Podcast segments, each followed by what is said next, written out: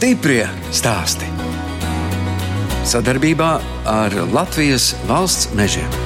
Man patīk dzīvniekus sabarot, pārbraucot no skolas, lai man no rīta atliek tikai attaisīt tur kūts, palaist zvērs laukā un viss. Bet tā vakar solis ir visgarākais. Ir tāda ātrā kopšana, kur tikai pabaro kaut kādas trīs, četras stundas tā nesteidzoties. Un tad ir tāda dziļāka kopšana, kur tu tīri būrus, mazgā traukus, un tāda var aizņemt pat visu dienu vai pat vairākas dienas. Varbūt kādreiz, ja es jūtos slikti, ja ir tā doma, ka šovakar varētu neaiziet, bet tas pienākums spiež un tev jāiet šā vai tā. Ko tad es citu darīšu ar to, kas man nepatīk? Priekš kam? Tā par savu ikdienas darbu aprūpējot vistas, zosis, trušus, strausus, kāzas, lamu un daudzus citus dzīvniekus savā mini-zoodārzā, stāsta Dīdzis Dreimanis no Brocēna novada Remtes pagasta silavām. Es, žurnāliste Dāna Zalamane, šoreiz tikos ar Latvijas Lauksaimniecības Universitātes studentu, kurš katru dienu no Remtes brauc uz studijām Jāgavā un atpakaļ. Dīdzis dzimis saldū, bet kopš četru gadu vecuma dzīvo Remtes pagasta silavās. Laikam tie dzīvnieki nāca reizē ar to, ka es augu diezgan vientuļi. Apkārt tādu mazu bērnu nebija. Bet jums pašam ir trīs brāļi māsas. Jā, bet nu, viņi jau bija krietni vecāki par mani. Un tad arī viņi jau bija savā dzīvē, jau var teikt, tajā laikā. Kurš jums bija pirmais dzīvnieks četru gadu vecumā? Pirmais mans dzīvnieks bija sešu gadu vecumā. Bija kāmītis, robītis, kurš arī nodzīvoja ļoti ilgu mūžu priekš kāmītes, gandrīz 4,5 gadus. Tajā pašā laikā man parādījās truši, pēc trušiem nāca vistas, pēc vistām nāca kāzas, un tad bija cūkas, un tad bija zirgi. Un... Diti, bet vai tie bija visi jūsu dzīvnieki? Tie bija visi bija... mani dzīvnieki. Jā. Vecāki to atļāva. Vecāki to atļāva, jo es esmu tāds raksturs cilvēks, kam nevar neatļaut. Viena Vienmēr lieta ir, protams, mazs kāmītis, kuram nopērk mēnesī pārtiku, bet zirgs tur taču jāvāc sieniņš un jādomā, kā barot. Zirgs jau bija bišķiņ vēlāk, tas bija, kad man bija 14 gadi. Dīdzis Dreimanis mācījās saldu un pats arī iestājās saldus mūzikas skolā. Pats aizgāju un iesniedzu dokumentus, ka man bija 8 gadi. Jo tā mūzika man kaut kā vienmēr bija ļoti tuva, jo man arī māma ir mūzikas skolotāja bijusi. Viena lieta sākt to muzikālo izglītību, bet tad pienāk kaut kāds pusaudžu vecums, un tad jau Jā. nu, vairs negribās. Un tieši tāpat kā es iestājos pats, es arī 7. klasē uzrakstīju iesniegumu mācu vārdā, izstājot no muzikas skolas ārā. Bet toreiz man bija ļoti laba draudzene, Sofija skolotāja. Iveta Gaila vienkārši ģeniāla mūzikas teorētiķa. Viņa teica man toreiz, ka tā nevajadzēja darīt, un viņa man deva kaut kādu laiku, un tad viņa man atkal pieņēma apakaļ ar iestāju eksāmenu, un bija jānospēlē Beethovena mēnesnīcas sonāte. Un vēl kaut kāds skaidrs, bet to es vairs tā nemācīšu pateikt. Bet, nu, jā, bija ļoti interesanti. Un es tik ļoti gribēju stāties atpakaļ, jo tu jau novērtē lietas, tad, kad tev vairs viņas nav. Un tad es laimīgi pabeidzu kā pianists. Jā. 14. gadā es biju filmējies masu skatos filmu filmā Ausma un es ļoti sadraudzējos ar Dēls teātra aktrisi Indru Briķi. Es stāstīju to savu slēpto sapni. Man ļoti patīk teātris un māksla, un kad es esmu muzikāls, ka es māku dziedāt, spēlēju klavierus, ko tikai es nemāku. Un viņa man teica, ir tāda skola kā Rīgas kultūra vidusskola, ka viņa tur pasniedz teātris mākslu, un es aizgāju uz turieni. Es biju dziļi vīlies, jau godīgi, jau pirmajā pusgadā tajā skolā kā tādā. Jo es neesmu nekad bijis tāds īpašs matemātiķis. Un es tagad skatos, ka mums ir padziļināta matemātika. Man bija problēmas ar apmeklējumu, nu, zināmā kā tīņa vecums, un Rīgas kur, dzīve, un, un piekdienas vakari, un māte tevi sponsorē. Un kas var būt vispār labāks par šo? Tajā brīdī jau tu arī tā neapiet tīri racionāli, ko tu dari. Tu gribi patrakot, patusēties, un ko tikai ne. Un arī man kā puisim no laukiem toreiz šokēja tas, ka rīznieki nav tādi atvērti, tādi draudzīgi, viņi ir vairāk uz sevi vērsti, nu tādi savādāki. Zini, kā laukos viens otram palīdz, viens otru otru balsta, bet tur katrs pats par sevi. Aplausos spērns Rīgā. Dīdzi, bet jūs tā nu, sakāt, tā kā būtu jau nesik ilgs laiks pagājis, jums tagad arī ir tikai 20 gadi. Jā. Un tad cik jūs tur pabeidzāt vienu gadu? Jā, es tur pabeidzu vienu gadu. Un tad es kaut kur redzēju reklāmu par Rīgas pirmo vidusskolu, ka viņi piedāvā tālmācību. Vispār skola ir vieta, kur tev saliek pa plauktiņiem to, ko tu jau zini. Es jau vienmēr esmu lasījis grāmatas, vienmēr ļoti viss, kas paticis. Un varbūt man skola iemācīja tieši to. Džesija, mēs tevi Ne, meitene. Varbūt iemācīja paklusēt tur, kur jāpaklusē, un iemācīja pastāvēt par sevi. Varētu teikt, tās diplomātijas prasības. Tieši tā diplomātijas prasības, bet es nenožēloju nevienu brīdi, nekad es mācījos Rīgā. Pilnīgi neko. Jebkura mācība dzīvē ir ļoti svarīga un noderīga. Paņemsim sunīti. Tā ir taksanīta Džesija. Pie manis jau kopš 13. gada septembra. Viņai bija arī brālītis Otello, bet kurš mistiski vienkārši pazuda. Jā, kaut kā trāpījusies ļoti mīlīga meitenīte tāda. No ar takšiem ir nelaime. Viņa jau grib ar to saimnieku pat gultā gulēt kopā. Jā, jā, šī jau man guļ blakus jau septiņus gadus. Sunīts ir patstāvīgi jātārpo, viņš ir jāatblūso. Es to daru patstāvīgi. un jā, es mācījos attālināt un dzīvoju Remtē. Un es strādāju kafejnīcā, nostrādāju kaut kādu pusgadu saldū. Un man kaut kas ieminējās, tev vajadzētu taisīt mini-zoolu, tev taču dzīvnieki ir, tev viss ir, kāpēc ne? Tev ir skaista vieta, viss ir tikai taisi. Un tā arī bija.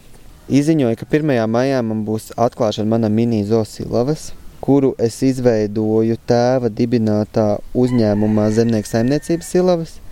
Tagad tu kaut ko dibini, tev ir bailes, vai sanāks, vai tev kāds brauks, kā būs ar naudu, vai tu visu pacels. Ap 400 cilvēki bija pasākumā. Bija tik labs laiks toreiz, tajā 1. maijā. Mums dziedāja folkloras grupa no Remtes, un cilvēkiem tā patika. Un, un tad sākās tas lielais mini-zoos stāsts. Kā tad jūs beigās izdomājat, ka jums ir tomēr jāmācās tajā lauksaimniecības universitātē? Man kaut kā bērnībā gribējās kļūt par to veterināru. Stājos LLU, jāizvēlās dažādas fakultātes, un es kā prioritāri ieliku veterinārijas fakultāti un nākamo lauksainiecības fakultātes zootehniķus. Man atnāca paziņojums, ka es esmu uzņemts lauksainiecības fakultātē, bet ne veterināros. Teica, ka viss jau būtu ļoti skaisti, ka atzīmes ir labas, bet tu neesi nokārtojis ķīmijas eksāmenu, kas ir izvēles eksāmens, kuram ir jāpiesakās Un kaut kā es to biju palaidis garām. Tad es saprotu, ka arī tas stils darbs, ko jūs tagad mācāties, jums tīri labi patīk. Man ļoti tas aizrauja. Jā, ļoti. Un tagad es varbūt saprotu, ka es tomēr negribu veikt operācijas, un es negribu strādāt ar slimiem zvēriem. Lai tos slimos zvēriņus ārstē kāds cits, es gribu redzēt viņus veselus. LLU izglītības programmas ļoti daudzpusīgas. Piemēram, mums pirmajā kursā bija filozofija, mums bija biometrija, mums bija pērļu visas dziedas.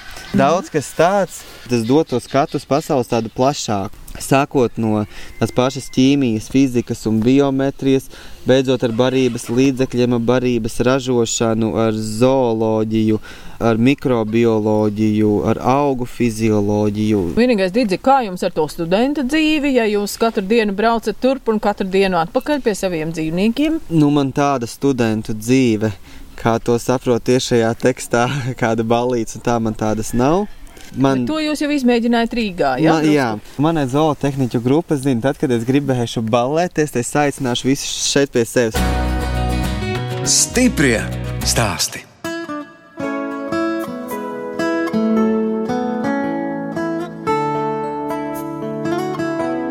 Jūs klausāties raidījumu stiprie stāstī. Turpinu cīnoties brocēnu novada Remtes pagasta silavās pie Dīdža Dreimaņa. Latvijas lauksaimniecības universitātes students pirms pusotra gada atvēra mini zoodārzu. Aplokā mūs vispirms sagaida kazas. Aploks ļoti liels, kopumā 14 hektāri. Daudzi mini-zoo, kur vienkārši paņem savais dzīvnieku un ieliek mazā aplociņā, nu es to neatzīstu. Un tā, tagad mēs vērsim vaļā lielos vārtus un dosimies pie zirgveidīgajiem.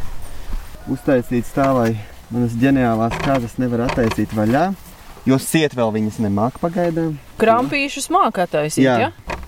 Krampīši priekš kazām ir noiets etaps. Nu, re. ah, un re, kur arī mums ir atnākuši kaziņas ēst krūmus, tā jau es arī domāju. Kas, kas, kas, kas, kas, kas, kas? Rekur arī nāk mūsu slavenais kazubars. Neteikšu, ka nāk, bet skrien. Jā, jā, jā. Nākam, nākam, nākam, nākam. Mājās, nākam, nākam, nākam, nākam. Patīk arhitekta Restrelī pilis. Un tāpēc viņam pa godus arī nosauca Lamu Antonio Restrelī. Eksotiskie dzīvnieki ļoti dārgi. Un es esmu izveidojis mini-zoo no personīgā finansējuma. Tad pašlaik es esmu atļāvies nopirkt tikai vienu lamu. Šogad, piemēram, es investēju ļoti aplūkos, un nākamo gadu es noteikti pirkšu dažādus dzīvniekus atkal. Te nāk ēzelīši. Tie ir Katalonijas ēzelīši, jā. Var papājāt, viņš ļoti mīlīgs šis te.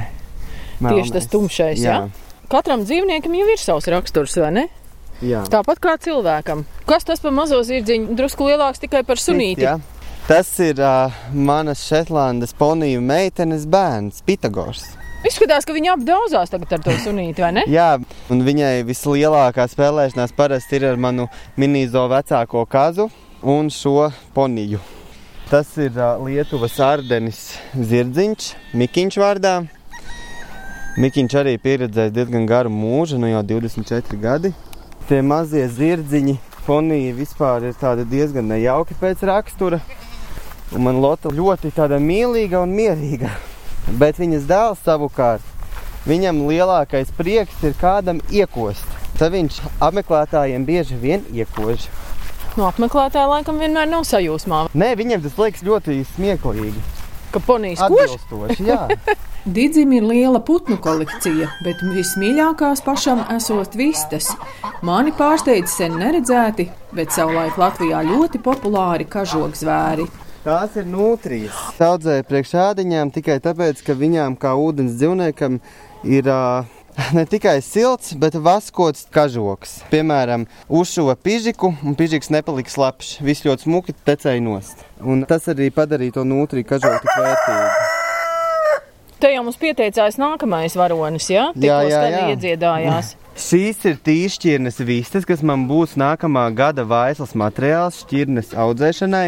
Šeit konkrēti ir brekeles, brekeles un hamburgas vistas.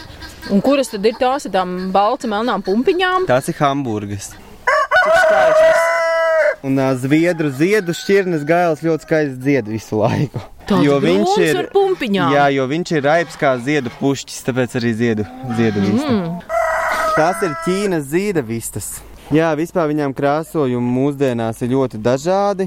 Gan rudas, gan lavandas krāsas, kas ir gan pelēkas, gan melnas, gan baltas, ļoti dažādas, gan raibas.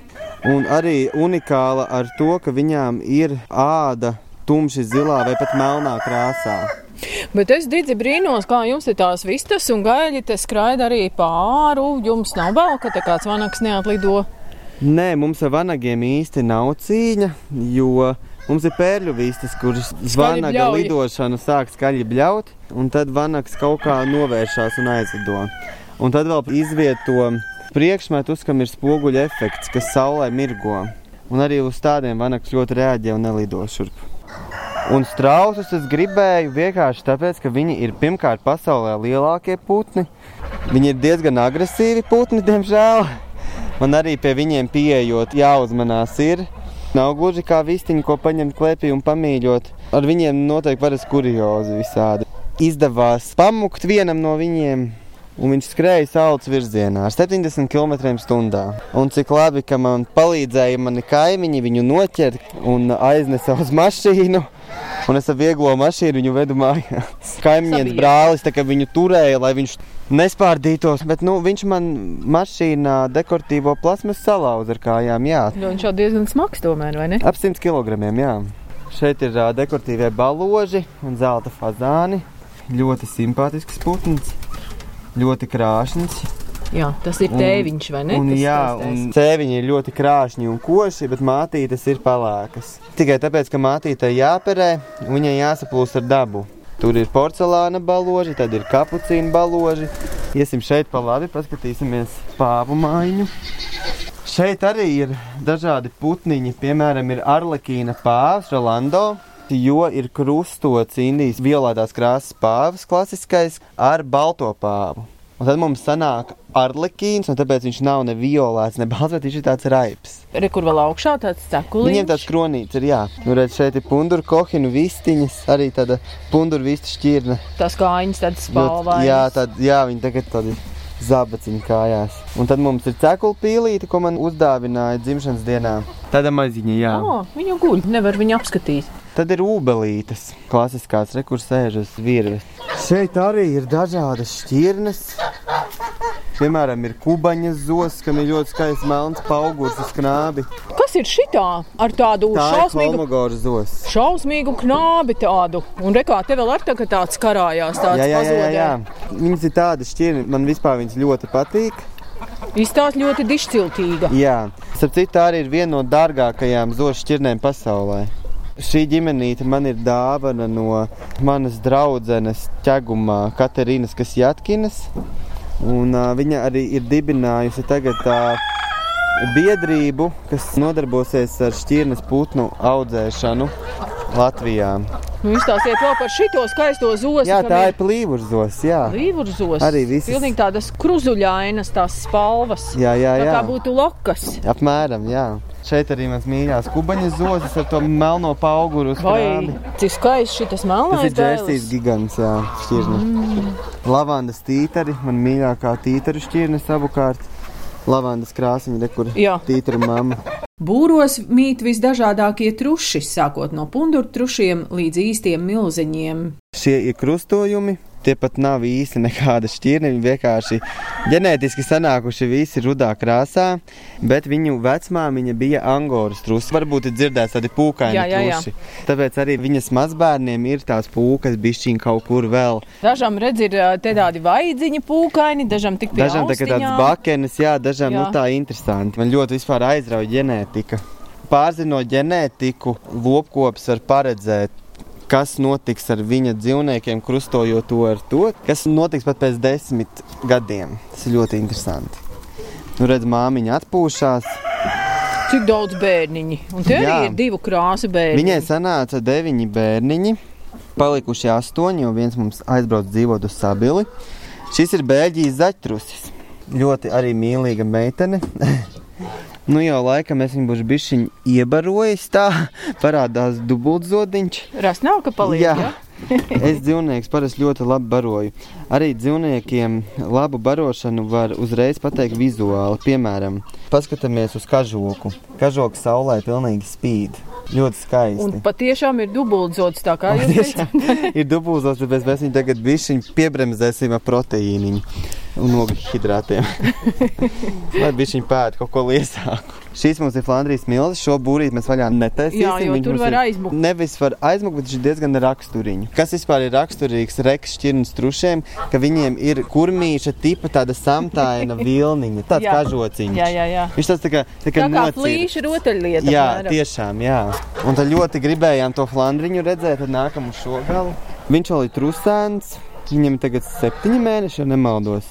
Bet paskat, kas viņam ir pa ķepām milzīgi. Jā, jā, jā jo tā ir starp citu arī viena no lielākajām, pat ja ne lielākā trušu šķirne pasaulē. Līdz pat 14 kilo var svērt, ka viņš ir pieaudzis. Bet tas ir tādos jau ļoti labi barots Spēka trusis. Šeit ir Angoras mazbērni. Kad es pārdodu trusīšu, tie ir tie pirmie, kas arī pārceļās uz jaunām mājām.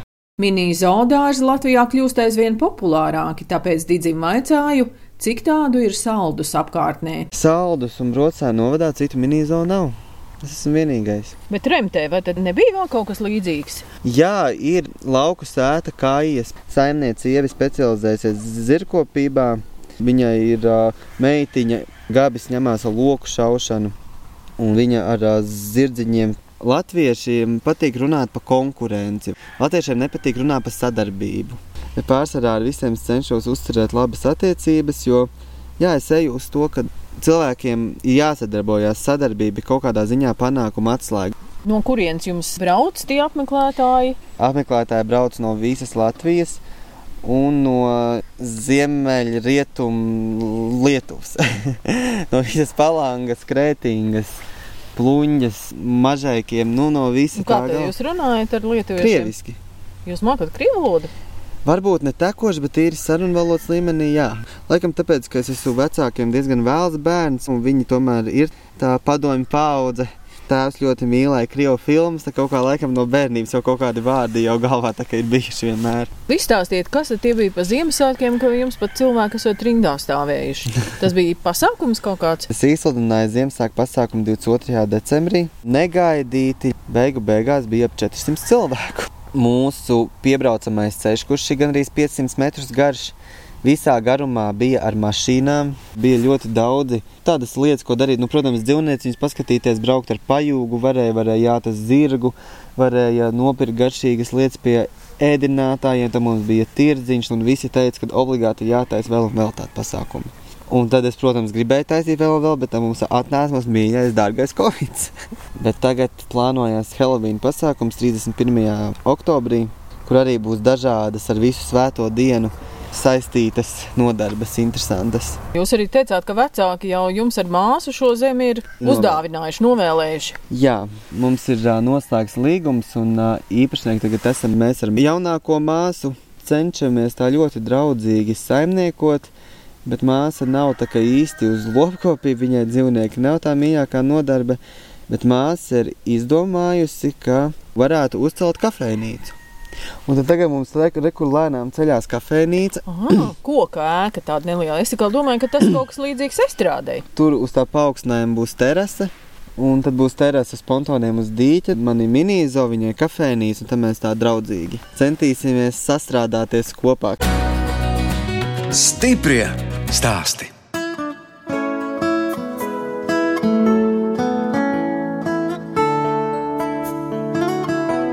Skan redzējums stipri stāsti. Šoreiz ciemojos brocēnu novada Remtes pagasta Silvās pie Latvijas Lauksaimniecības Universitātes studenta Dīdža Dreimaņa, kas pirms pusotra gada atvēra mini zoodārzu. Digim ir divas māsas un brālis, bet viensētā viņš dzīvo kopā ar vecākiem. Mana mamma ir tirzniecības menedžeris firmā Nordija. Viņi izplata dažādas pārtikas izēvielas vairumā. Tā faktiski ir vairuma bāze. Mans tētis strādā par apsargu, ir strādājis policijā, viņš ir strādājis traktoru inspekcijā par priekšnieku. Stāstiet par māsām brāļiem. Jaunākā māsa gatavojas tādu mazu kafejnīciņu izveidot jā. Un, tad, un audzina. Jā. Un audzina dēliņu, jā. Brālis dzīvo un strādā Norvēģijā būvfirmā. Būvē mājas koka. Jā, tieši tā. Un tas jau laikam tāds izplatīts stāsts latviešiem. Varbūt tur viņš nav tik augstā amatā, bet to naudu, ko Norvēģijā varbūt nopelna mākslinieks, pie mums pelna ministrs. Brālis nav jūs aicinājis pie sevis uz Norvēģiju. Taču varētu izkārtot jums ar kādu labu darbu. Nē, man ir minīzo. Nekad man nav ir... gribējies? Nē. Man ir viss, ko man vajag šeit. Un cik tad ir uh, mazbērni, tad jūs vecākiem jau? Tad man jāsāk skaitīt trīs vecākai māsai, tad mums ir viens jaunākai māsai un divi ir brālim. Septiņi mums sanāk. Dīdzis Latvijas Lauksaimniecības Universitātē studē klātienē, un tas nozīmē, ka katru dienu viņš brauc uz studijām Jāgavā ar paša pirktu mašīnu. Man ir rekurtāds Audi A4 zilā krāsā. Beidzot tiku pie mašīnas tādas, kas man noderēs gan saimniecībā, gan arī tīri personīga, ko braukāt. ja vajag uz skolu. To jūs nopelnījāt ar mini-zo? Jā, gan ar mini-zo, gan ar vēl dažiem darbiem. Bieži vien uzaicina lopkopji, veido seminārus, lai apmācītu jaunos lopkopjus, un te pasauc arī mani pasniedzu lekcijas. Studiju laiks tomēr ir laiks, kad puiši arī satiek tās nākamās dzīves biedrenes. Nē, es nekad neesmu bijis vērsts uz attiecībām. Es arī brīžiem skatos uz ceļiem savā vecumā un domāju, ak, Dievs, nu taču domā, kā tu pelnīsi, nevis skrien kādai pakaļ. Jo cilvēkam tomēr ir jāfokusējās uz kaut kādu stabilitāti dzīvē. Cilvēkam ir jāfokusējās uz to, lai viņš būtu nodrošināts. Bet tā Ieņem... nevar iebraukt otrā grāvī, nu, ka Nē. pārāk aizraujas ar Nē. to stabilitāti. Cilvēki ir ļoti dažādi. Piemēram, es zinu, ka vecajai paudzei tas klasiskais dzīves modelis bija vīrietim pabeigt tehnikumu, tad ir armija, un tad braucam mājās, ieņemam bērnus un dzīvojam kaut kādu dzīvi. Mūsdienās rietumu kultūra tomēr ir bijusi savādāka. Cilvēkam ir jādara to, kas viņam patīk, cilvēkam ir sevi jāpilnveido. Mums ir absolūta vārda brīvība. Mums nav čekas, mums nav cenzūras. Un tas man ļoti patīk mūsdienās. Dīdzi, kādi jums ir vaļasprieki? Man ļoti patīk braukt ar mašīnu. Man ļoti patīk spēlēt klavierus. Man patīk klausīties mūziku. Man patīk tādi gari pārgājieni, bet absolūtā vienatnē. Man patīk pavadīt laiku ar sevi, ar savām domām. Man patīk darīt ļoti daudz ko. Man patīk lasīt prozas darbus, man patīk klausīties mūziku un mēģināt saprast, ko komponists viņā ir ielicis. Piemēram, Mocertam ir rekvijams, ko viņš rakstīja īsi pirms nāves. Viņš arī viņu nepabeidza, un viņam rekvijamam ir daļa lakrimoze. Un tu viņu klausies, un tu mēģini saprast, ko viņš viņā ir ielicis. Mm. Un vispār tas skaņdarbs kā tāds ļoti emocionāls. Lai gan viņš tur ir cik jau simtus gadus vecs, bet kaut kāds tas kods, kas viņā ir, nemainās. Protams, ja man nebūtu tie dzīvnieki, tad noteikti es ļoti daudz ceļotu, es redzētu pasauli. Bet es domāju, ka tas nāks ar laiku, kad varbūt es izaugšu tik tālu, ka man būs strādnieks, kad viņš uzņemsies rūpes par minīzo, un tad es varēšu ceļot beidzot. Nu, zinot, ka jūs esat eh, drusciņā arī aktieru mākslu pamācījies, kaut kāds vietējais amatieru teātris neaicina jūs uz mīlētāju lomām? Ir aicinājuši, bet es atsakos. Man tam vairs nav laika. Kādas ir priekšrocības dzīvojot laukos? Man vieglāk būtu nosaukt, kādas nav. Pirmkārt, tev nav kaimiņu, kas varbūt norāda uz kaut kādām lietām, ko tu nedrīkst darīt. Piemēram, pilsētā tu paskaļu klausies mūziku, vai tu vēl nezini, ko pa daudz dari.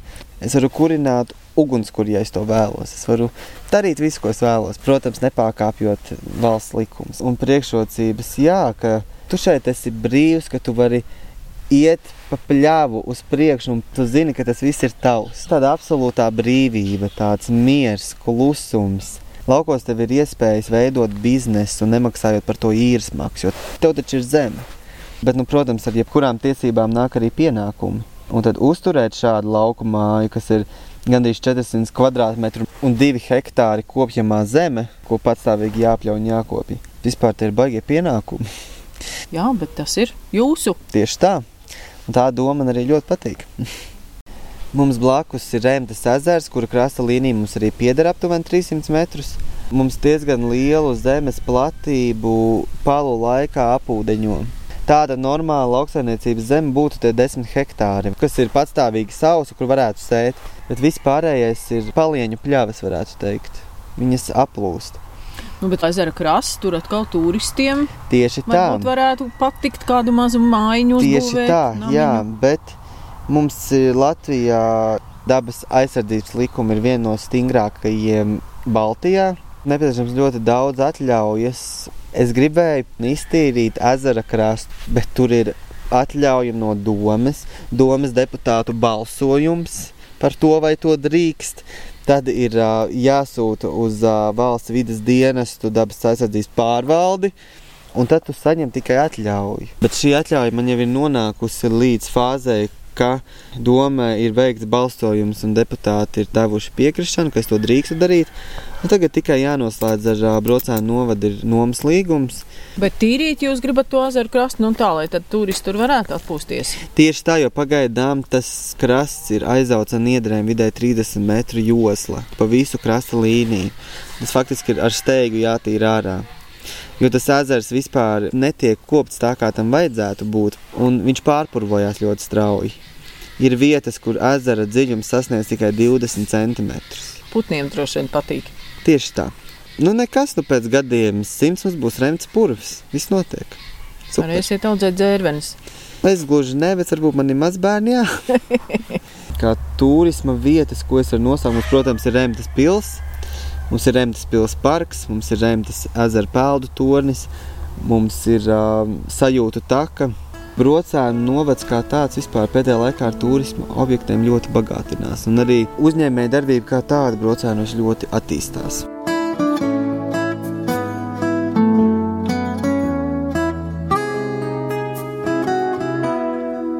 Radījums stipri stāstī skan, un es atvados no Dīdža Dreimaņa, kas Latvijas Lauksaimniecības universitātē studēja par ciltslietu zootehniķu un brocēnu novada Remtes pagasta Silavās, izveidojis savu mini-zoodārzu. No jums atvedās žurnāliste Dāna Zalamane un operātore Inga Bēdelē, lai tiktos atkal tieši pēc nedēļas.